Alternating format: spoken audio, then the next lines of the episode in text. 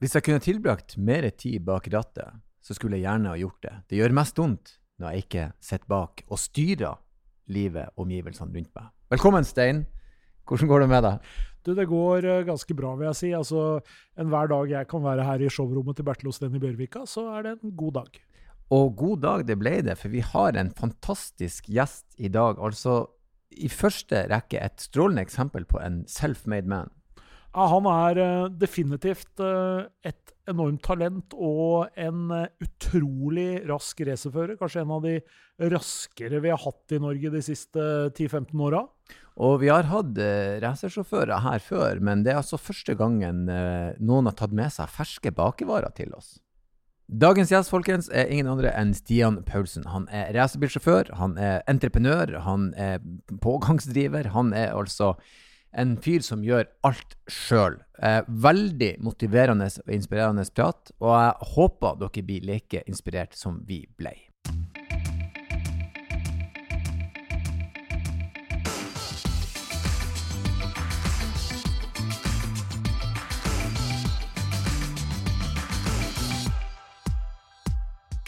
Atter storfint besøk i studio, og noen ganger, Stein, så har vi profesjonelle folk her i studio. Og i dag er intet unntak Stian Paulsen, som er racerbilsjåfør. Rett og slett. Ja. Takk for det. Takk for veldig veldig fin uh, intro. Tusen hjertelig. ja, vi, vi, som sagt, vi har, vi har, alt av folk innom her, og, og, vi snakker om forhold til bil. og Enkelte sier de har null forhold. og jeg regner med du er i helt motsatt ende av den skalaen. Jeg har ganske stort forhold til bil, ja. Så jeg, uh, jeg er eh, motsatt ende av den skalaen som nevner. Men er du på en måte For vi har hatt andre si, eh, profesjonelle eh, racerbilsjåfører som sier at bilen blir mer et verktøy, lidenskapen blir borte. Har du også litt lidenskap for bil inni der, eller jeg er det kun Jeg syns det er litt damete å si. Jeg veit hvem du sikter til. jeg tror du har det. Nei da. Um, nei da. Jeg um, Det er bil det går hele tida for meg, egentlig. Mm. Det er uh, Mye handler om bil. Alt, mm. egentlig. Mm. Og der, du kan fremdeles bli si, bergtatt av en kul bil, og en bil som ser bra ut, og liker følelsen av å kjøre den, selv om du liksom Absolutt, på alle måter. Det er mm. egentlig det hele livet mitt dreier seg om. Mm. Jeg er egentlig ofra alt for hovedsakelig motorsporten, da, men det er jo med på bil, og det har jo mye med bilinteressen. Mm. Ja, for du er jo kommet i en heldig situasjon der du kan si, drive med det du elsker aller mest, altså motorsporten. Ja, heldig på én måte, men det er mye jobb på en annen måte. Mm. Um, jeg har jo drevet mitt eget team, egentlig. Jeg har gjort litt motsatt av mange andre. Eh, mm. normalt sett i motorsporten, sånn som på nivået vi drev de siste åra, så leier folk seg inn til team uh, og kjører for dem. Uansett hvem mesterskap eller hva for noe klasser eller hva det er, om det er rally, baneracing eller uansett hva det er. Mm. Men jeg har gjort det på en annen måte. Jeg har drevet mitt eget team med venner og familie. Uh, fordi at det har vært eneste muligheten for å få det til å gå rundt. Mm. For å leie seg inn en team på det nivået vi har vært. Det har ikke vært uh, betalt på i min, min verden. Det er hardworking. Ja, det har vært mye hard jobbing. Det har vært mye hard jobbing. Ja. Vi har møtt opp på løp utrolig sliten noen ganger. Og folk har sagt 'hvorfor gidder du', liksom. Du har ikke sjans før start. Du har tapa før start, liksom. Som jeg sier da, at ja, det er jo to alternativer, da. Det ene er å komme opp på løpe og være sliten, eller så er det å være uthvilt og sitte hjemme og spille PlayStation. Ja. Så hva hadde du valgt? det er å være på løp. Ja da. Da blir det jo det hver gang. I den virkelige verden. Mm. Men uh, vi prøver å begynne litt på starten. Uh, kommer du fra en eh, motorsportinteressert familie, da? Ja, faderen uh, har kjørt litt rallycross. Alltid vært bilinteressert mm. fra han var guttunge sjøl. Mm. Um, så jeg var så heldig at faderen tok meg med på Rudskogen i gamle dager, da jeg var en seks-sju år. Da var det de Larsen-brødrene fra Frekstad som kjørte superturningbiler. BMW og de hadde masse forskjellig. Så det var det jeg falt for da, som guttungen. Vi var der oppe og så på det på Rudskogen, så syntes jeg det var jævlig kult. Mm. Så var jeg så heldig senere at jeg fikk gokart av mamma og pappa da jeg var ti år, da, i julegave. Mm. Da var det gjort. Jeg vet mm. ikke om det er den beste investeringen til mamma og pappa, men, uh, men det har kommet mye glede ut av det. Mm. Som vi nevnte litt tidligere her at det har blitt mye bråk ut av det òg. Men uh, i bunn og grunn så har det vært en mm. utrolig fin reise til nå. Så gokart i julegave, det var på en måte nå si, formaliserer vi interessen, nå begynner vi å kjøre? Ja, det var, eh, det var, greia. For da jeg begynte med gokart, så fikk du lov til å kjøre gokart fra du ble fylt ti. Mm. Så jeg fikk jo den da jeg var ni år, og jeg hadde bursdag i juli. Så jeg husker at eh, vi shina opp den gokarten veldig og, og forberedte den til jeg skulle begynne å kjøre. da. da jeg ble mm. ti år. Så det, det, var en veldig fin tid, husker jeg. Og det, vi hadde mange fine år. Gokart var den beste tida. Gokart er, eh, go er fortsatt den dag i dag tøft. Det er en heftig sport, rett og slett. Så mm. gokart-tida var veldig fin. Mm. Og veldig mange av de som uh, lykkes i racing, starter jo akkurat der. De fleste gjør jo det. Det er, det er svært få som f.eks. har kommet til Formel 1 som ikke har kjørt noe særlig gokart. Det er ikke mange. Jeg vet ikke om det er, det er bare et par, tror jeg. Som har begynt sent. Ellers har de fleste starta med gokart. Men nå i dag så starter de med enda tidligere. Nå starter de med å kjøre gokart når de er fem-seks år gamle. Ja, eh, vi, eh, vi snakka litt om det før vi trykka på rekord. Jeg har en kompis som har to gutter, og der er han ene fem, og den andre åtte. Og han yngste er nettopp begynt å kjøre i mm. den minste klassen. Det er tidlig, vet du. Det er steintidlig, men det er veldig gøy å se på hvor fort de tar det. Og hvor fort de kjører. Mm. Eh, det er imponerende, faktisk. Veldig imponerende å se på. Så, men konkurransen i gokart er tøff? Konkurransen i gokart er heftig, altså. Mm. Det er eh, litt Bare drar til Sverige der, så er jo nivået steintøft. Ja, for har ikke Sverige litt mer tradisjon for det enn vi har? Sverige generelt er ti år foran oss når det gjelder motorsport. Eh, mm. Når det kommer til baneracing, alt. Kanskje ikke rally. Jeg, det skal jeg ikke uttale meg om, egentlig. Mm. For der uh, har jeg ikke så mye oversikt. Men uh, sånn gokart og baneracing, så er de ti år foran oss. Så har de vært hele tida. Mm. Det ser du bare på at de har gutter som er har, Nå har vi mange bra norske førere, som Hauger og sånne som er internasjonale, som gjør det bra på, i formbil og sånn. Men i Sverige har jo hatt Formel 1-fører og har Rosenquist i USA og flere der borte nå, så der, der er, de er lenger framme enn oss. Også. Mye mm. lenger framme. Mm. Men ta meg litt med inn i den der verden med, med gokart. Hva består dagene i? Er det, det er trening og, og racing og, og, og racing? Dere reiser til banen, og så er det å kjøre løp og hjemme igjen? Ja, den tida jeg kjørte, så holdt vi på med gokart hele tida. Da var det løp nesten hver helg. Mm. Da var det løp i helga, og så var det jo Faderen, jeg var ikke gammel til å jobbe og tjene penger da, så han jobba døgnet rundt, stakkar. Så jeg husker at du skrudde gokart på, på kvelden i uka, og så var det noen treninger, og så var det forberedt til nytt løp til helga, og så var det stikke av gårde på det, og så sånn gikk sommeren. Mm.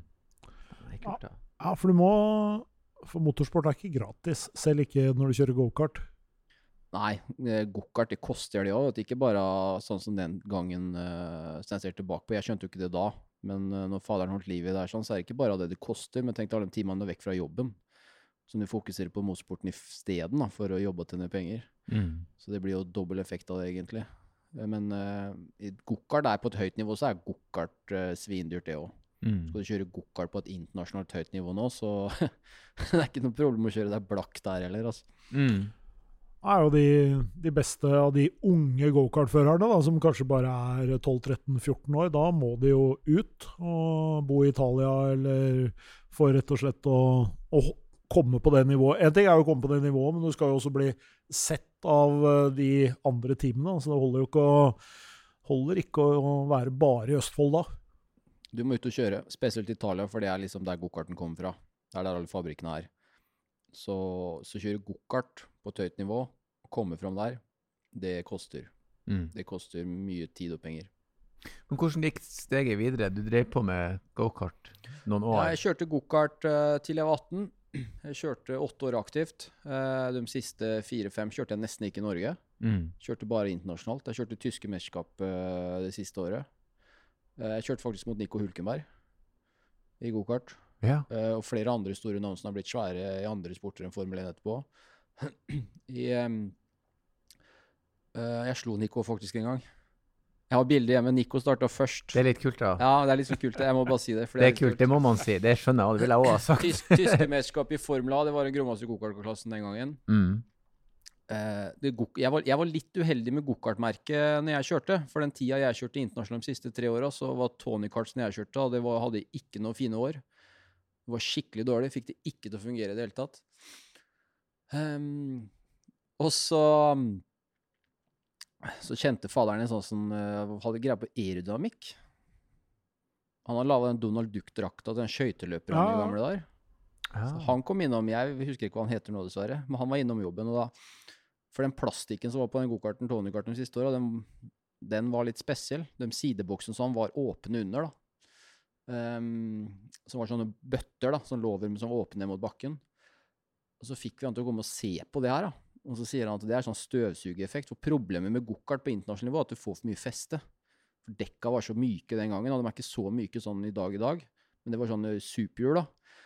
Og så du fikk for mye feste. Altså jeg som var høy, jeg fikk jo ekstra problemer. For når vi kom til tyske mesterskap og kjørte, så var vi alltid blant de raskeste på første treninga.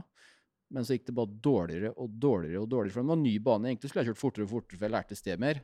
Mm. Men det gikk bare dårligere, for jeg var for høy. Tyngdepunktet ble for høyt, da. Du er veldig short i en gokart, ikke sant? Um, så vi bytta faktisk da til det siste løpet i, i tyske mesterskap i Formel A. Så tok vi sideboksen fra en konkurrent og satte på en gokart, for det hadde lov til. En annen plastikk, da. Mm. Bytte det. Og da husker jeg vi kom ned der, og så han Peter Kaiser, som driver Tony Kart i Tyskland. Det er bestekameraten til Mikael Schumacher, han som tok seg av Mick når Schumacher ikke var der eh, til stede på slutten. Mm. Han kom og sa det at For vi leide en motor av han, da. Måtte leie én motor i hjel. de andre teamene leide tre. Men vi leide én, da, som vi hadde til kval og finale. Budsjettet kom inn da, for å si sånn. Så husker jeg Peter kom og sa sånn eh, I mitt team så kjører vi kun originale Tony Kart-deler. bare, ja, vi sto i vårt eget telt, da. Vi liksom, måtte bare si det til oss, da. Og så vant jeg, starta jeg fem i første finalen, og vant. Nico Ulkenberg to. Nico starta først. Og var, jeg var den første som vant med Tony Kart, da, stort internasjonalt løp hele året. Man hadde ikke hatt sjans noe sted. Mm. Helga etterpå i VM, Tony Kart vant med like sidebokser som jeg kjørte med. ja, selvfølgelig. Peter, Innovasjon direkte fra ja, Norge. Og Peter Kaiser han er jo kameraten til Robastis, Robastis som er Tony Kart-sjef på fabrikken i Italia. Så bør ikke lure på at han har fått informasjon derfra. Bør ikke lure på det. Det er jo helt klart. Det er kult. Det er bilde hjemme at Hulkenberg eh, passer bakmann. Ja, han er i været, og første var mål, og Nico to. Mm. Og Det sier jo også litt om hvor viktig aerodynamikk er sjøl på en gokart. Hvor du tenker at uh, Sammenligna med en, uh, med en ja, Formel 1-bil eller for så vidt en hvilken som helst annen racerbil, altså er det, jo, det er jo mindre aerodynamiske elementer på en sånn bil, men det har allikevel så mye å si. Det har mye å si. Det er klart, det var, var ikke sikkert det var bare boksen som gjorde det der. Eh, den banen har alltid passa for meg, men, men Tony Cart vant jo VM eh, helga eller 14 år etterpå med mm. sånne sidebokser, for da gjorde de om. For de, mm. de sideboksene de hadde kommet med, det var helt nytt, det var helt spesielt. Så det tror jeg ikke de hadde gjort nok research på. Men nå i dag, hvis du kjøper en gokart nå i dag, så er det mye mer eh, aerodynamikk på den. I dag så er jo frontkoppene breiere. Mm. Nå har de, Du ser at de har brukt vindtunnel nå i forhold til hva de har gjort i gamle dager. Mm. Det er helt annerledes nå. Mm. mm. Det er noe de har jobba videre med. Så det, en, eh, det, er en kul historie fra gamle dager, 2004. Det begynner å bli lenge siden. Jo, men det er kult. Hulkenberg er et kjent navn, eh, og det er litt artig at liksom, han klarte å ta innersvingen på, på han. Men det er klart, Tilbake til, til gokarten. Det er klart at de, de utvikla den bedre for å få bedre førere, for det skal jo rekrutteres oppover. Så si, opp i systemet er de vel interessert i at det skal bli så bra som mulig nedover. Så det er vel den ekstra satsinga i motorsporten generelt som drar med seg på si, taustigen. Ja. Alle ledd blir bare bedre og bedre og mer og mer krevende og høyere og høyere nivå. Alle ledd blir bedre, vet du, så det blir vanskeligere og vanskeligere å være en som stikker seg ut med åra som går òg. Mm. Men bare for å si den gangen når vi så Nico Ulkenberg, vi var ikke i tvil om at han kom til Formel 1. Mm. Var han var så god, alle han var, han var verst hele tida. Mm. Det var bare han og en som het Helmut Sand som kjørte fra hverandre det året. Det var bare dem to. Hvis, hvis, hvis Hulkenberg hadde det var, det var, egentlig bare jeg som kjørte fra begge dem to med å starte i nærheten av dem. Mm. Bak dem. Mm. Hvis de ikke hadde brøt inn noe hit og starta midt i finalen, så var det ingen som Hvis de starta blant de fem første, så var det, ingen, det var bare dem to som slo hverandre. Mm. Var helt overlegne. Mm. Så det var ikke noe tvil om at Hulkenberg skulle til Formel 1. Hulkenberg kjørte over meg i finale to, så vi brøt begge to. Han tapte faktisk mesterskapet, han gikk opp på det mot han Helmut. Mm. Og da skrev jeg Hulkenberg på det hjulet over der, sånn, for, for Riftan la i bakhjulet. For vi visste at han kom til Formel 1, så det hjulet har jeg på hylla hjemme. Så det er hjulet som Hulkenberg kjørte over meg på. Liksom. Så. Ja, men du, du ser det. Du, det er derfor ja. McLaren tok Hamilton av. Du, de, du, ser det, de stikker seg ut. Max og når han kjørte yoghurt. Mm. Max kom jo rett inn uh, i den der uh, KZ girkartklassen var, da, med superførerne den gangen, og vant løp. Starta bakerst og bare kjørte fra alle. Bare superkjørere som kjørte gokart hele tida. Han var helt verst. Det er ingen som, du, du, så det. Det var ikke tvil om å si at han skulle til Formel 1. Mm. Du ser det. Men hva var ambisjonene dine da, når du, når du var på den hardeste satsinga i gokart? Nei, jeg, jeg har alltid sagt at jeg skulle kjøre touringcar, jeg, vet du. Ja. For det var der det starta? Ja. ja. Mm. Så um, en annen ting jeg er litt stolt av sånn karrieremessig, er at uh, de hadde det som heter nå juniortalentet. Det norske juniortalentet. Castro juniortalent? Castro juniortalent uh, hette den gangen jeg var med. Og da um, Jeg var med i 2004. Tror jeg. Jeg tror det er 2004. Jeg vant det første året jeg var med. Det er nesten ingen andre som har gjort. Jeg vant alle grenene utenom løpinga. Den jeg var helt sikker på at jeg skulle vinne, løpinga, den tapte jeg. Mot en Trond Svenker, han kjørte rally. Der var han seig, altså. Um, det var pga. syklinga, for han var jæklig god til å sykle. For det var løping og sykling kombinert. Det var pga. syklinga jeg tapte der, altså. For Det er det som heter bilsporttalent i dag. Da. så mm. Der konkurrerer jo da de største talentene innafor ulike motorsportgrener mot hverandre. Yeah. Og så kjører man uh, forskjellige klasser. Kjører, uh, kjører mer sånn type sportsbiler, man kjører uh, gokart. Ja, når vi kjører... kjørte, så kjørte vi gokart, bil på bane, sånn standardbil av Volvo der oppe eller BMW på Rudskogen. Og så ja. kjørte vi crosskart, ja. Løping og så en presentasjon. Så vi gjorde flere grener. da. Nå i dag er vi litt mer avansert. Ja.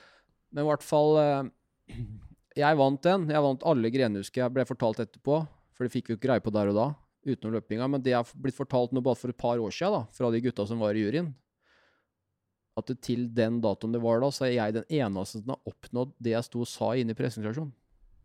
Mm. For jeg sa ikke at jeg skulle til Formel 1. mm. Jeg hadde lyst til å kjøre VTCC eller eh, DTM eller noe i touring car. Mm. Og mange år etterpå så var, hadde jeg oppnådd det, på en måte. Men det er mm. ingen andre som har oppnådd det de sa der inne, så jeg har hatt litt sånn kalle oppnåelige mål. da. Mm. Formel 1 har aldri vært drømmen, for jeg har skjønt at det bare glem det. Det er ikke det er ikke sjans, rett og slett. For trangt nåløye, rett og slett. Det er det du ja, altså, Faderen drev bilverksted Penger må du ha, ikke sant. Det, var, det er vel ikke noe hemmelighet at Max var ganske bemidla, Verstappen. Eh, til å kunne det, er bare å se på, det er jo bare å se på alle førerne som er i dag, så er det jo sånn at eh, det er jo Ok, det er noen av disse førerne som kom inn tidlig da, for en del år tilbake, som, eh, som ikke kommer fra spesielt bemidla kår, men uh, sjøl de førerne som vi tenker på som, uh, som, liksom, som, først og fremst talenter som har kommet opp, da, si George Russell eller, eller um, Lando Norris eller noe sånt, selv de kommer jo fra familier som har hatt økonomi til å, å, gjøre det. Og det er klart, økonomi i England og økonomi i Norge, det er to forskjellige ting. To, to det er helt to forskjellige ting. Så det er klart, For om ikke de har vært styrterike der borte, så har de hatt bra med midler. Mm. Bør ikke lure på det, for det, den veien Jeg har hørt noen podkaster spesielt med han um, Norris der. Og sånn som de reiste rundt og kjører gokart da var guttunge og sånn. Det har kosta det, vet du. Skole ved siden av utenom uh, der han egentlig skal være. Sånn. Det er ikke, du må ha litt ressurser for å få til det. Mm. Mm. Så ressurser var ikke hjemme hos oss. Eh, eller til en viss grad. Pappa drev bilverksted med én ansatt, og moderen jobba på gamlehjemmet. Eh, det forteller vel alt. Eller forklarer vel alt. Mm. Men sånn sett så er det ganske imponerende, da, fordi du har jo på en måte da, som du sier, drevet ditt eget team, organisert, jobba med sponsorer, hele den biten der. sånn. Det er jo, det er jo en enorm jobb. ja, hva skal jeg svare på det? Uten å være arrogant. det er lov å være litt. Det. Kjør på. Kan godt være litt arrogant. Nei, jeg kan si det sånn at um, jeg, har vært, jeg, har vært, sliten de siste åra, men uh, fram til for noen år siden så er det mange som sier at de ofrer alt, men de vet egentlig ikke hva det betyr. Mm. Det er mange som sier det som jeg syns bør skamme seg når de sier det. For de vet ikke hva det betyr. De sier de må ofre alt og svært hus og R6 og privatbil og mm. er ikke sånn det funker.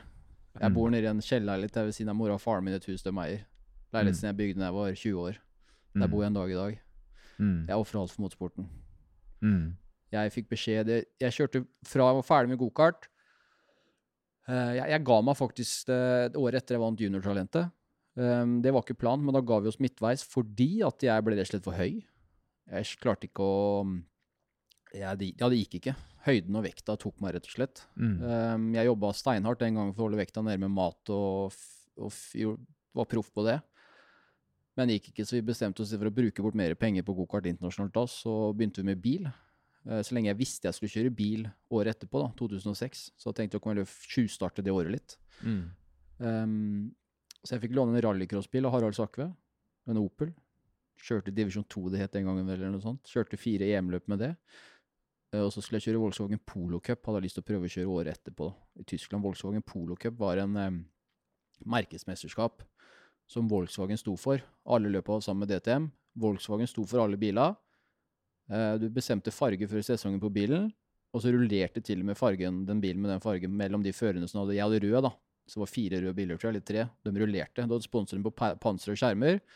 Panseret flytta dem over til neste bil. og Skjermene måtte dekorere hver gang. Mm. Og så fikk de justere stabstag foran og lufttrykk. Mm. Soft, medium, hard foran på stabstaget, på stivelse framme, og så lufttrykket. That's it. Likt for alle. Mm. Så derfor så Det var planen året etterpå. Så derfor så Derfor så droppa vi et gokart nå, da. For vi tenkte jo da får vi tjuvstarte det. For vi så at det var ikke noe å hente videre framover med gokart. Mm. For da henter du fram eh, Da får du faktisk funnet ut hvem som er de beste førerne, da. Ja, det er jo akkurat samme bilen, samme er, Da er det jo førerferdighetene i aller høyeste grad som ja, jeg, jeg, jeg, har jo alltid likt sånn, for jeg har aldri hatt penger til å kjøpe den dyreste bilen. Mm. Så jeg har alltid syntes det har vært kult. Det var et veldig bra konsept. Um, vi skulle møte på høsten i Kempten, Tyskland, helt syd i Tyskland, for den første testen. Der var det tre dager med over 20 stykker hver dag, over 60 stykker som meldte seg på der. Kjøre, Det var på en glattkjøringsbane. Masse forskjellige dillaer du skulle gjøre der, med den poloene, da. Mm. Og så var det noen med 30-40 som gikk videre derfra, 30 ca til å kjøre på Åserslebben en test. Og så husker jeg, jeg tror det var Jon Haugland som hadde fått brev eller via bilforfølgelsen om at de hadde vært der og testa, og så bare ringte faderen. Så det gikk bra på testen, for du vant den testen, den første. Så du har fått den neste gratis. For det, skal, det, var ikke gratis å komme på den testen, det var business for Volkswagen. Mm. Det var ikke dyrt, men litt skulle de ha. Så jeg fikk den neste testen gratis da på Åsersleben. Og der fikk jeg etter den så fikk jeg tilbud om å kjøre polocup, da. Og da 25-30 biler til start. Halvparten hadde kjørt et år før. Halvparten var nye. Første løp på Åkenheim. Aldri vært der før. Raskeste runde til løpet og ble tre, tror jeg. Jeg tror det ble tre, for jeg lå tre i løpet når jeg tok inn de to første. De som hadde kjørt andre år. Så skulle jeg kjøre for begge to nede i Hornåla der. Egentlig skulle jeg bare ta én, men det ble to. Men han første så meg ikke, så vi toucha litt, og så ble det en tredjeplass slutt med raskeste rundetid. Men det er sånne ting som jeg, Der og da, det som er sprøtt, og der og da så bare Ja, selvfølgelig, vi skal være verst. Mm. Tenkte ikke noe over, men jeg ser tilbake på det nå. Tenkte det er mange som prøvde å kvale til Volkswagen Polo Cup. Mange unge talenter. Mm. Vet du hvem som kjørte polocup før meg? Eller Seat Cup det før meg? Polocupen to år før? René Rast. Hm. Han vant den.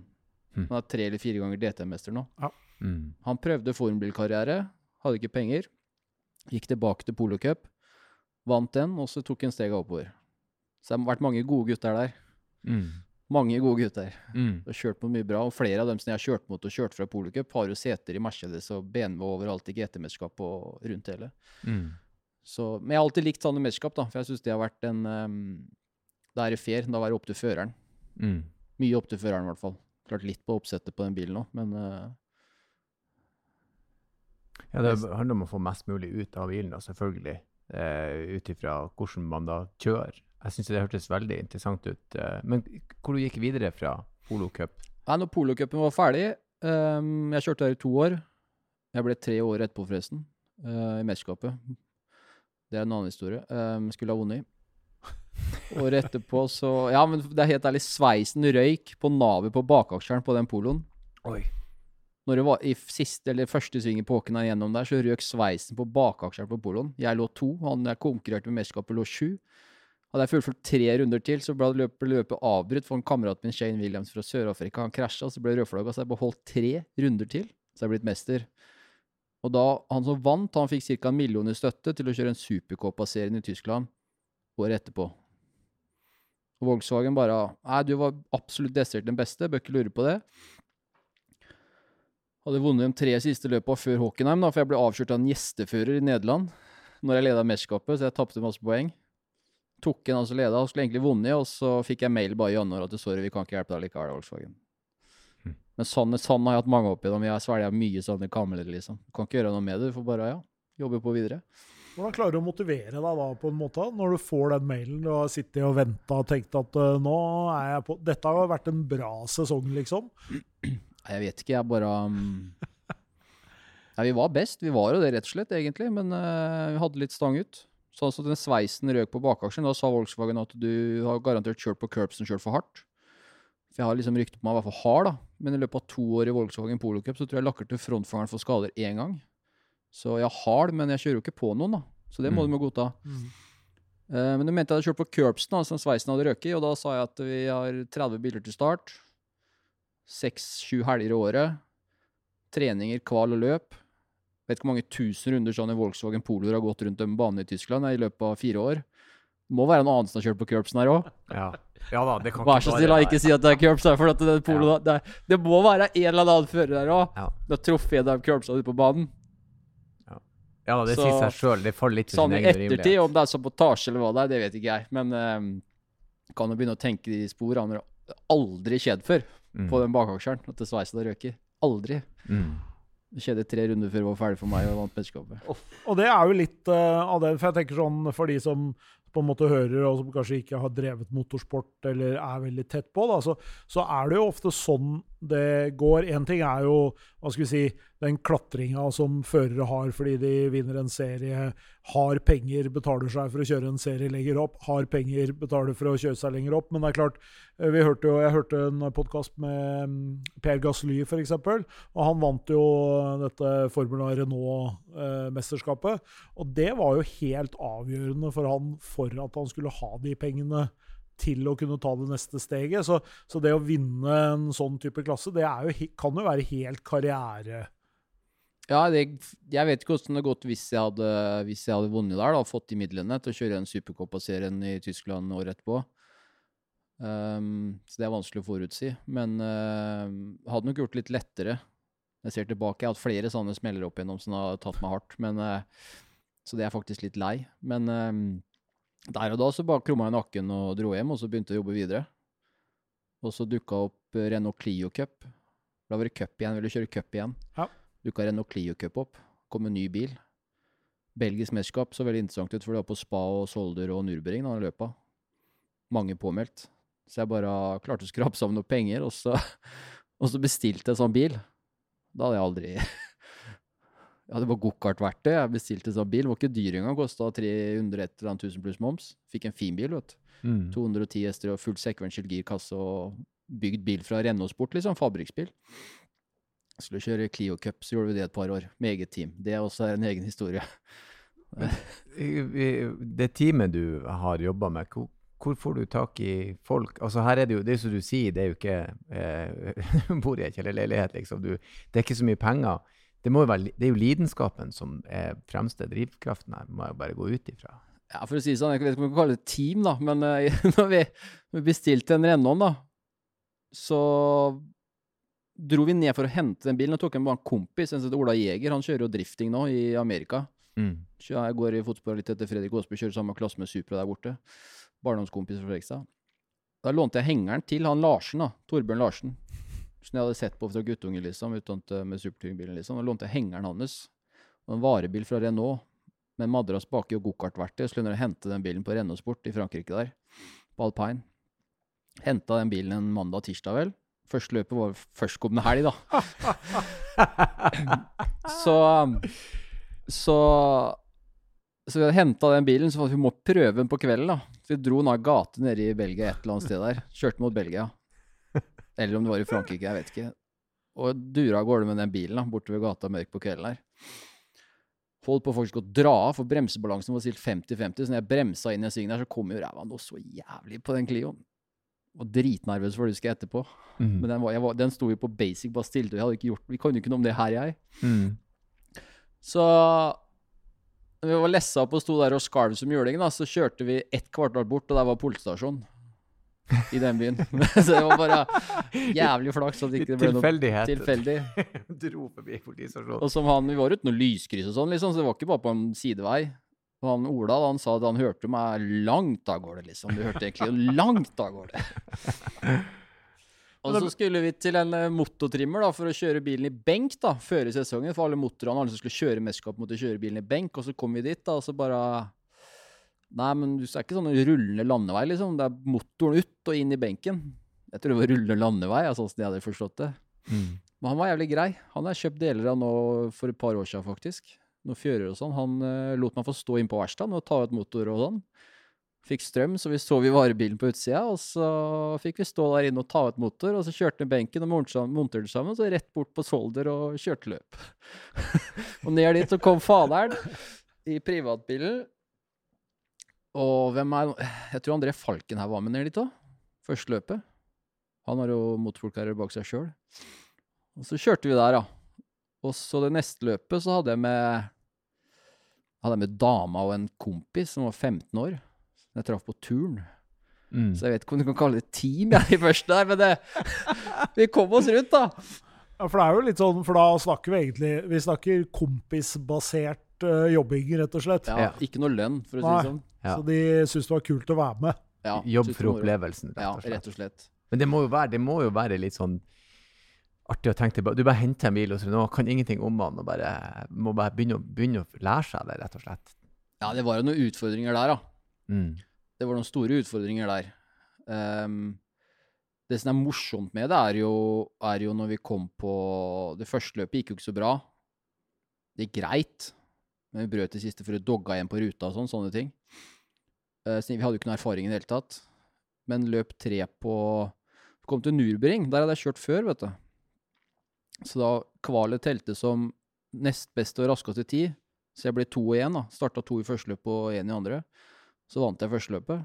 Det er første året, altså. Jeg, da husker jeg vi sto på sto lineup for løp to, sånn i piten, da, alle utafor bilen, og vi sto og venta til å slippe ut på banen. Så kommer de gutta bort og lurer på åssen kan du kjøre med en Clio med så rette bakhjul? For alle la jo masse camber, da, hjula inn på toppen, ikke sant? Du kjørte, ja. For at framhjulstrekkeren har jo for lite feste framhjul generelt. Så de kjørte jo masse camber bak, lave. De kjørte bare på innsida av hjulet, ikke sant, for å få mm. mindre feste bak. Bare åssen har det gjort med oppsett? Sånn, jeg bare jeg kjører helt original. Jeg, sånn, jeg henta bilen på fabrikken. Jeg hadde lagt Max Camber foran, hadde jeg gjort. Og så stilt spissinga med noe linjaler, liksom. Bare kjørte, jeg. Kjørt som faen. Kjørt fra dem alle sammen. Vant begge løpa på Nürnberg. Ble tre i mesterskapet og vant juniormesterskapet første året. Det er veldig gøy. Det er veldig ja, det er litt sånn Hvordan har du stilt inn? Jeg har ikke gjort det. Jeg bare kjører. Det er veldig, veldig gøy, ja. Men, men Ene løpet på spa så slipstreama alle vet du, med Clioen. Du fikk jo 80 km høyere hastighet. Alle teama kjørte tog. Mm. Jeg har tatt tredje eller fjerde tida. Så kommer det en, jeg tror en Terry Booston, gammel sånn touringcar, kjørte Honda. Han organiserte litt den serien. Så bare, Stian, hvem er det du samarbeida med? Hvem er det du slipstreama med? Nei, jeg satt en tid aleine. Ja. Nei, det er umulig, sånn. Det går ikke. Du kan se kameraet. Jeg satt den tida helt aleine. Nei, det tror jeg ikke noe på. Han trodde ikke noe på meg at jeg satt den tida aleine. Mm. For alle team og samarbeidet. Det ene løpet så kom han ene han JJ Magalash bort til meg etter løpet og så ville se kjøleboksen vi hadde i teltet. For da var jeg sikker på at jeg kjøla bensin i den kjøleboksen. Jeg bare lukta på noe mat der. Mm. Jeg kjørte med bil helt standard. det er kult. Da. I have brunost. In, ja, ja. Litt sånn. som husholdningssaft her. Yes, that's it. Litt sånn, men uh, når jeg ser tilbake på det nå, så tenker jeg at uh, fy faen så mye bra vi gjorde, liksom. Mm. Bare dro rundt og kjøpte halvparten i av de andre. Og... Mm. Men uh, vi fikk mye bra resultater. Mm. Men hva er det med touringcar, da, bortsett fra at det var på en måte litt der det starta? Hva er det som gjør det Utover at du tenkte at det var der jeg kan lykkes, men hva er det med touringcar som er attraktivt, liksom? Jeg syns touringcar er tøft på den måten at det er hard racing. Det er mye forbikjøringer, og det er platekontakt, ikke minst. Det er litt viktig. Mm. Sånn sett er Formel 1 litt kjedelig. Ja. Men ja. Uh, det er litt kontakt og litt sideveis, så kutter over curbs og grusen spruter, og det er liksom Det går litt å evne noen gang. Det er liksom litt Det er hard kjøring. Det er tøft. Og så er det ganske jevnt. Det er derfor jeg har valgt merkescuper og sånn, for det er jævlig kult når det er jevnt. Ja. Mm. Du kjører like biler. Mm. For nå kjører du jeg har kjørt TCR de siste åra. Ja. Eh, tok dessverre en pause når koronaen kom. Jeg har kjørt ett løp i år for Tom Coronel i Tyskland. EM. Audi RS3 LMS. Um, ehm, der er det ikke like biler i TCR, men der er jo Det skal være likt i utgangspunktet, ja. så det er veldig likt. Det er nesten likt. det er litt forskjell fra bil til bil på bane hvor de gjør det bra, og så er det et bilmerke som gjør det bedre enn andre, så får de suksessballast for at det skal jevnes ut. Så det er i prinsippet det samme. Mm. For om ikke det er helt likt. Mm. Det er jo de, de, de, løpene som er artigst som man, når det er litt racing og kniving, og det er nerve gjennom hele, hele løpet. En stund når man så på for Formel 1, så visste man at hvis Louis tar første svingen, så har han vunnet det løpet der. Det er bare å Ja, det er litt tråkig. Det er liksom, ja, det er jo 70 runder, men han har vunnet det allerede. Det vet vi. Ingen kjører forbi han. Og det er litt sånn men da finner man jo selvfølgelig glede i de andre kampene og i sånn, det som foregår underveis. da, Men det er jo den harde reisinga som er litt skøy. Ja, det, det, som er kult med touringcar, sånn at det, det, går faktisk an noen ganger å starte ti og vinne. Det gjør vi i Formel 1 òg, men uh, du mener i touringcar så er det gjort på 20 minutter og halvtime, og så har du liksom fighta gjennom feltet, og det går an der noen ganger, og det er jævlig tøft. Og så er det kult, for dere kjører på mange av de litt sånn legendariske banene. Det gjør vi. Det gjør vi. Vi kjører på mange kule baner. Det er derfor jeg alltid har valgt Europa, da. Så lenge jeg kjørte polocup. Det er mange, jeg sier mange, her hjemme som har masa på meg om å kjøre STCS i Sverige. Men jeg gikk ut til polocup da jeg var 18 år, vet du. Kjørte på mye kule baner allerede da. Og så Clio Cup. Kjørte på Spa, Nurbring og Solder. Blir ikke det samme med Mantorp, tenker du? Nei, det blir ikke Det er ikke like kult, syns jeg, altså, dessverre. Mm. Det er tøffere med en pokal fra Spa enn fra Mantorp. Det er kulere. Det er, støtter det. Jeg støtter det. Det er tøffere. Vi er, vi er å si uh, Det er ikke langt ned i den lista ennå, vi. Nei, vi er ikke det. altså. Nei, men, vi, måtte, vi, måtte, prate litt om det der først, og så må vi snakke litt om bil generelt. Det kan være litt interessant å finne ut hvordan du er som bilist i det, i det vanlige dagligdagse livet. Det er ti. Det er ti. Jeg skal sette, tenkt på. sette en tier. Den har du tenkt på. Ja. Det er ikke noe å tenke på. Vi, vi, har jo hatt proffe før, før, som har lagt seg litt lavere, men du på, Jeg er ti. Du er ti. jeg er aggressiv, men jeg er ti. Jeg er en aggressiv tier. Det er, egentlig, er egentlig helt teit, for jeg hørte på det med han, eh, Mats Klemmesen uh, i stad. Når jeg skulle ned til bakeren og kjøpe de wienerbrøda gjennom byen. Mm. Da var det en som kjørte 25 inn i byen der. Ja. og det jeg pærter og blinker på han, mm. så sier jeg Mats at nei, han er ikke så ille aggressiv, og jeg bremser, jeg, hvis du har liksom bare tenkt det. Det var så jævla teit at det kom akkurat da jeg driver og perter på han foran meg. Jeg blinka vel på seks eller sju biler på veien inn hit, og igjen pærte jeg på på E6-en, så um, jeg vet ikke om jeg skal sitte og road, se de her, egentlig. Om road rage, det, der har du din porsjon, liksom. Og, og pært er å fløyte. Mm. Ja. For fløyta heter, heter Fra Fredrikstad. Ja, perte. Biler og båter. Tuter. Perte er noe helt annet i Nord-Norge. Okay. Noe helt annet. Ja, ja, jeg skal ikke si hva jeg det er. Jeg tror jeg skjønner hva det bedre. Det er noe helt annet. Så første gang jeg hørte noen si det, så sa jeg hva du sa du gjorde for noe? jeg tuter. En lita pete, sa du? Ok. Uh, jo, men så du, du tyrte fløyta? Jeg bruker den hvis ikke de ser lysa, så bruker jeg tuta, ja. ja. Starter med lysa. Starter med lysa. Så tuter. Og så neste er Uh, nei, det er ikke så mye etter det. Altså. Da, da, setter jeg bare på lysa på fullt, som står der. det er ikke så ofte jeg må det, da. Men uh, Nei, jeg, ja, men vet du hva? Jeg, jeg, kjenner jeg blir varm. Jeg ja. hater når du ligger i venstrefila på E6-en og bare ligger der ledig på innsida. Ja. Dra til Tyskland og altså, prøv det. Vær så snill. Ja, der får du kjapt der, der får, der, ja. Der, ja, det, det, gjør du bare én gang. Dra ut til Europa og gjør det. Da de, du får beskjed om å Du gjør det bare en gang. Ja da. Det, pass på å slippe folk forbi der. I England så hørte jeg for noen år siden at de begynte å bøtelegge dem som lå sakte i venstrefila på hovedveiene. Ja, eller det, høyre, antagelig. Hæ?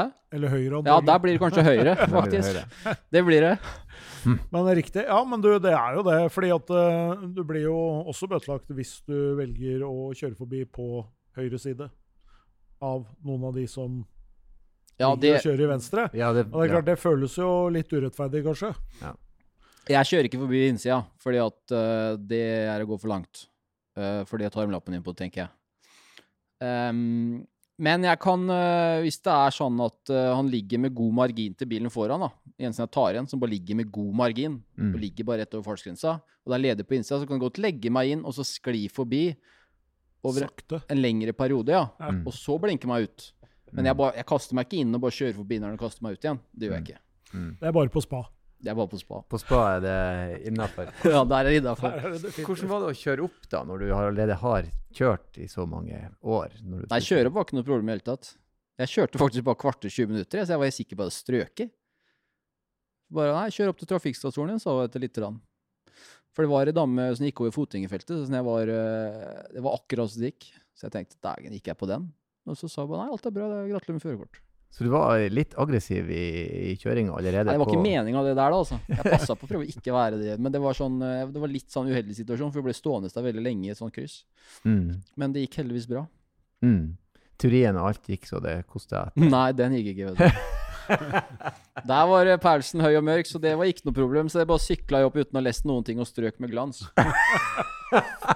Sykla opp og skulle ta Vet du hva, jeg strøk ikke med glans, jeg hadde én feil for mye. Men vet du hva, det var bare bra. Ja, det var jeg er bra. glad for ettertid, for jeg begynte å lese den boka, og så skjønte jeg at det her er det myke jeg kan. Altså. Det er ikke gult og blått og rødt flagg og sånn her. Svart og sånn. Her er det andre regler. Så, så, det var bra jeg strøk, for da fikk jeg lest litt. Ja, for da lærte du faktisk litt om Ja, jeg kunne litt, fikk, fikk meg litt mer, i hvert fall. Ja. Så jeg gikk på runde to, da. Men nå har han antakeligvis kjørt omtrent like mye varebil som du har kjørt uh, racerbil, antagelig. For det er jo litt av greia når man skal rundt omkring, da. Jeg skal si dere det, å kjøre varebil, sprinter, jeg kjører mye maskinsprinter, med henger og racerbil på Europa rundt, det er langt, altså. ene løpet, gutter, så var jeg Lisboa. Ja, det er Å, langt. det er langt. Det er langt med fly, det. Det er langt det. Det Jeg kjørte, er, og så kjørte jeg innom Barcelona og henta en ny racerbil, ja. og så ned til Lisboa for å kjøre løp. mm. Og så var det rett opp til Konrad i Tyskland, stå der. Rett til Brands Hatch og kjøre der. Nei, Silverstone. Og så var det tilbake til Tyskland igjen, og så til Norge. Og så litt av sånn etterpå. Jeg tror jeg kjørte 12 000 km på en måned eller sånn. Bare, Det er helt ellevilt. Blir du lei av å kjøre bil, da? jeg blir lei av å kjøre varebilen fullasta langt, ja. Ja. Jeg greier at jeg, jeg er veldig dårlig på å ta pauser når jeg gjør det. Ja. Da skal jeg liksom Du skal, skal til Lisboa, du, liksom? Jeg skal, i hvert fall når jeg er ferdig på søndag, da skal jeg hjem. Mm. Og nå er det over, nå skal jeg hjem. Ja, altså da da jeg kjørte på Brands Hatch når jeg skulle hjem til Norge, så er det non-stop fra Brands Hatch hjem. Stopper, fyller og kjører hjem. mm. Og så lesser du ut, begynner du å holde på. Hvis du er hjemme tolv på dagen, da, så er det bare å begynne. Det er ikke noe Mm. Det er bare å fortsette. Du, må jo ha kjørt forfoldige tusen mil da, i løpet av karrieren hittil. I, Ja, til de løpa så har jeg kjørt eh, mye. mm. Blitt mye kilometer, altså. Hva du, eh, hva du gjør når du kjører, da? Hører du på musikk? Hører du på podkast? Setter du dine egne tanker? Hva du Ja, nå foretrekker? Sist hørte på podkasten deres, da. Så ble du nysgjerrig på hva det er for. Ja. Så det var uh, veldig positiv uh, opplevelse. Veldig bra. Ja, men det er bra. Så det, um, det er en ære å være her etter å ha hørt på dem. Så kult. Um, men så hører jeg på musikk generelt, egentlig. Mm. Eller så tar jeg mye telefoner. Jeg tar mye Mm. telefoner i bil. Mm. Jeg er dårlig på å svare telefonen når jeg er på jobben. Så lenge jeg driver for meg sjøl aleine, så er det liksom Hovedfokuset er å jobbe, da. Så jeg liker å ta de telefonene jeg sitter i bilen. Mm. Det er ikke så ille. Har du eh, si, håndfri og alt klart, så er det bare å ringe rundt og få gjort det. man Ja, jeg gjør det stort sett når jeg sitter i bilen. Fordi Mm. eh, det tar for mye tid ellers. Mm. Ja, for det, det, det kommer jeg til å tenke på nå. Det er jo ikke bare kjøring og skruing, det er jo en administrativ del der. Jeg skal love dere det, når jeg sånn som vi snakka om i stad, liksom har gjort mye. Når du liksom holder teamet i gang og organiserer alt. De senere åra så ble det jo mer folk. To Mm. sprintere på løp med utstyr. Jeg, hadde, jeg sjekka en året, da, bare for at det var mye Jeg regna med jeg var litt overvektig i den sprinteren og lå jævla nedpå der en periode. Den kan du lesse 1700 kilo i, da. Og jeg tror jeg hadde 1800 overvekt oh, i den sprinteren. Så da bare Nei, får kjøre to biler, da. Da ble det to sprinter. Det er mye organisering. Det er mye organisering, og både det med sponsorrushen jeg holder på med ved siden av. Mm. Jeg gjør sponsorgreiene sjøl. Holder alt i orden sjøl. Skal skaffe pengene. Nei, det, det, er, det er mye. Det er, det er så mye. Så når sesongen er over, så liksom kobler du litt av. Og tenker du skal aldri gjøre igjen. Og så begynner du på igjen. Men jeg skjønner sjøl, da, ikke etter så mange år, hvor mye jobb det er før jeg begynner. Mm. Du står midt oppi det igjen. Mm. Da skjønner du hvor mye jobb det er Mm. å gjøre den jobben jeg har gjort, alene med de små ressursene. Mm. Ja, fordi at eh, det å drive med sponsorer, det er jo en ting er jo å skaffe sponsorene, det er jo en ting, men de sponsorene vil vel gjerne ha litt mer igjen enn bare en De logo skal på holdes jakka. ved like og alt mulig sånn, så det er, det er en svær jobb. Det, er, det er som folk sier til meg hvis de vil gjøre, som jeg sier ja, fordi at bare av sponsorjobben, da. Kan jeg ansette fem mennesker til på fulltid. Mm. Det er nok firmaer å ringe Ja. i verden. Mm. Du kunne ansett ti folk på fulltid for å skaffe sponsorer til deg. Det er ikke Mm. sikkert det har blitt noe lønnsomt, Mm. men det er jo nok av firmaer å spørre og møte med og prøve å få sponsa. Mm. Det er en uendelig jobb. Mm. Mm. Uendelig. Hva får en sponsor igjen nå når han sponser Stian Paulsen Racing? Jeg har masse forskjellige sponsorer. Ja. Eh, De fleste, de, helt ærlig, de fleste sponsorene mine er eh, folk som liker meg og syns det er kult å være med litt. Eh, Jeg har ingen som betaler mye. Men vi har noen, jeg har noen sponsorer som vi trikser og mikser litt og ordner litt, så det Jeg har aldri har fått inn mye sponsorpenger. Ja. Aldri mye. Nei. Der hadde du, hadde du sett, uh, sett bilen min under løp og visst hva jeg har fått, så hadde du ikke skjønt at det går sammen. Gjør ikke ellers. Jeg har betalt mesteparten sjøl egentlig opp igjennom. Mm. Så det må jobbes. Det må jobbes. Ja. Og fra det året jeg var 19, så har det ikke vært en krone fra mamma og pappa. Mm. Andre året til Policup så sa for at det er helt slutt, det er tomt. Og da, fra det punktet der, så jeg ordna absolutt alt sjøl. Mm. Absolutt alt. Mm. Når du ser tilbake, du, er, er, føler du at det har vært verdt det? Det, her, er, Absolutt, det er det absolutt. gøyeste du vet, sant? Vært ålreit å ha et litt finere sted å bo enn jeg har nå, men, eh, og, sånn, men eh, nei, det er absolutt verdt det. Bør ikke lure på det. mm. Jeg hadde gjort det igjen. Jeg hadde gjort noe annerledes underveis der, men jeg hadde tatt det samme gata. hva, hva er det kuleste du har opplevd i racingstolen? Der, der du liksom, hvis du tenker tilbake hittil, er det, er det et som virkelig skiller seg ut som en Bortsett fra når du Nei, jeg, jeg kommer ikke på noe sinnssykt fett akkurat nå, faktisk. Jeg har, jeg har mange bra resultater som jeg syns er bra. Mm. Men her er Europamesterskapet fra 2012, FIA ETCR. Det Mm. er jo var ikke så mange med, så det var ikke så mye å skryte av det året der, egentlig. Men eh, Nei, det var, det var Jeg ble europamester FIA. Jeg tror ikke ingen andre i Norge er det. Mm. FIA ETC Touring Car Champion i den klassen jeg var i der. Mm. Tror jeg ingen andre er. Mm. Um, det var ikke så mange med, så det var liksom ikke noe å skryte Men jeg har ikke vært flink nok til å skryte med det, egentlig. sånn sett om Jeg det. syns du skal skryte. Du må aldri si at det var ikke så mange med. Du må bare si 'jeg er europamester'. Ja, men jeg, jeg, jeg, jeg har vært litt sånn at uh, det er nok av dem som tar opp uh, lån i Talentbanken Mm. og går ut og skryter hvor gode de er. Mm.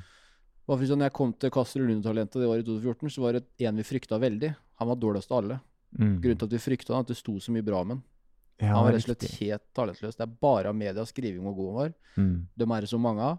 De faller gjennom, Mm. dessverre. Jeg ikke, vil ikke være en av dem som tar opp lån i Talentbanken. For en eller annen dag så må Mm. du betale den gjelda. Ja, du må cashe inn. Du må cashe inn, Ja. og da er det slutt. Og det gjelder alt du driver med. Ja, men det er, det er så sant, det. Det er, ja, det gjelder alt du driver med, det. Mm. Så jeg har ikke vært den som vil Jeg Har ikke gapa for høyt, uh, høyt om de tinga som ikke jeg føler har vært noe vits i å gape så mye om. Mm.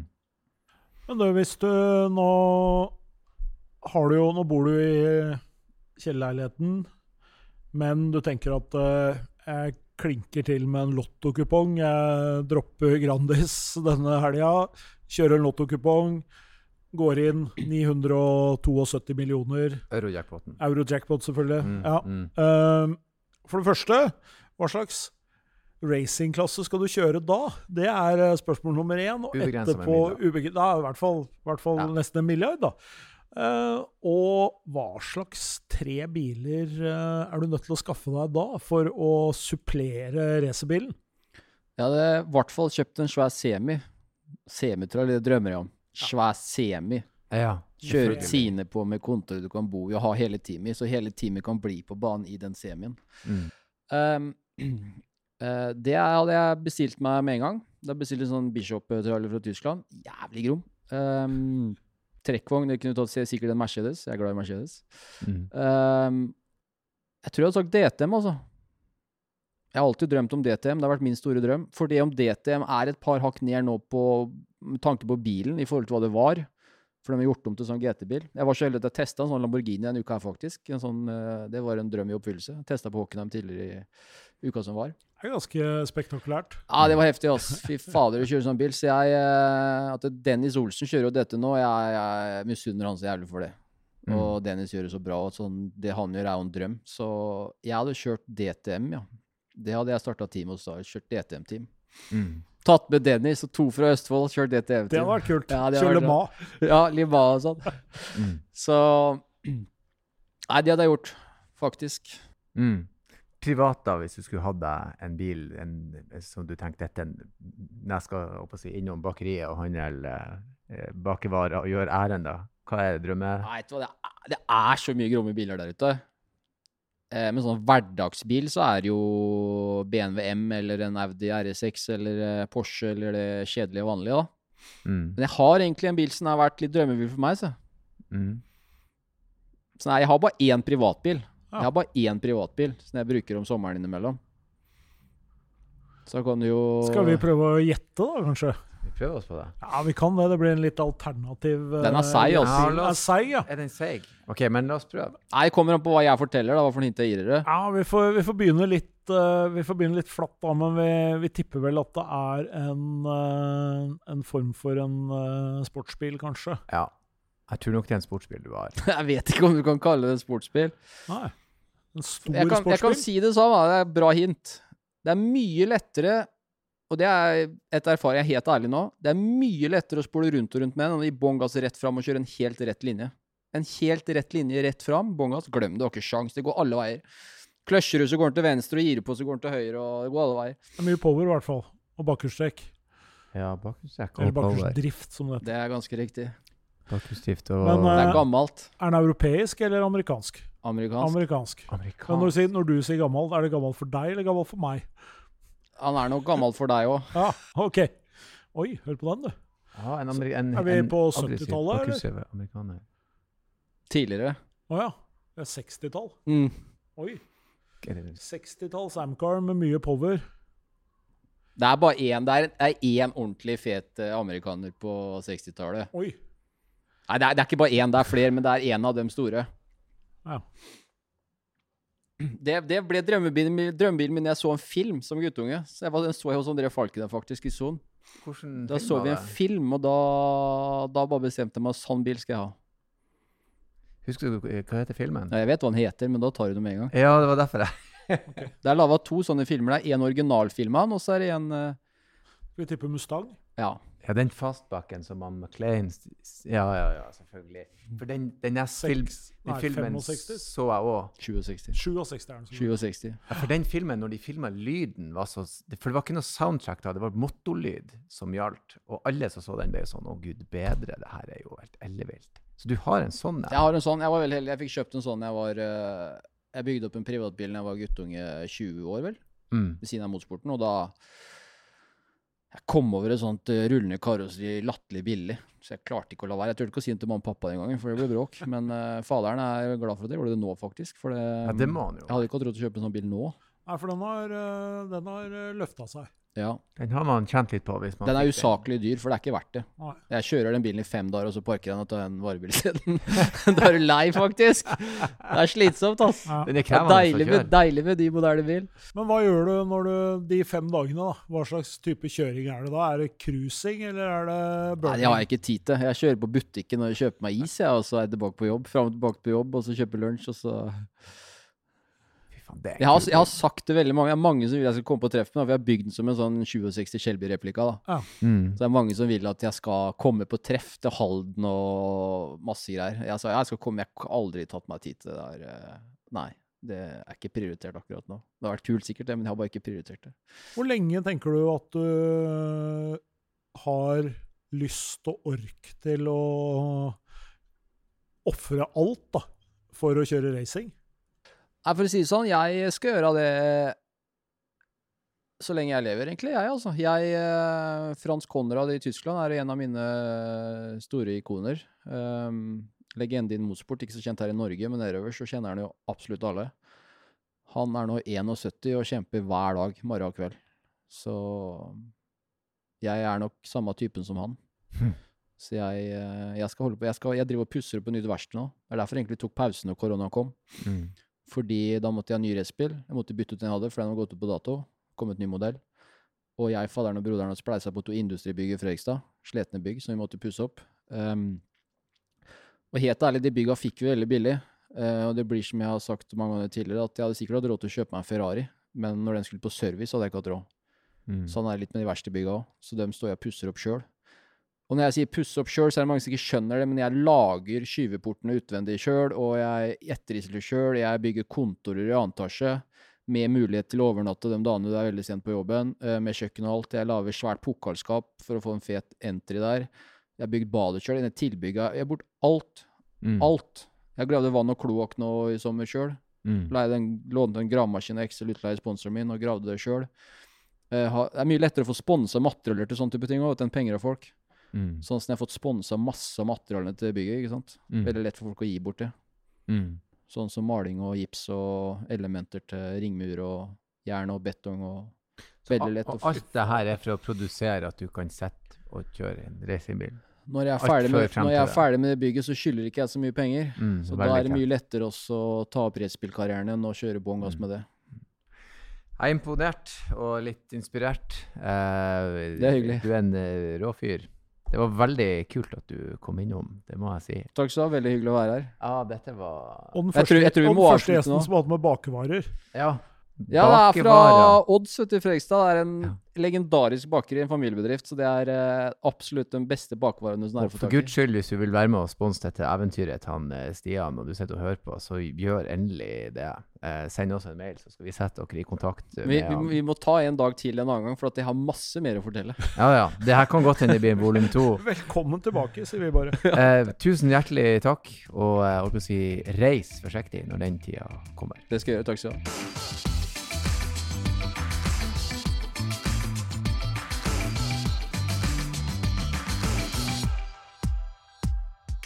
Hei, hei, hei, stopp!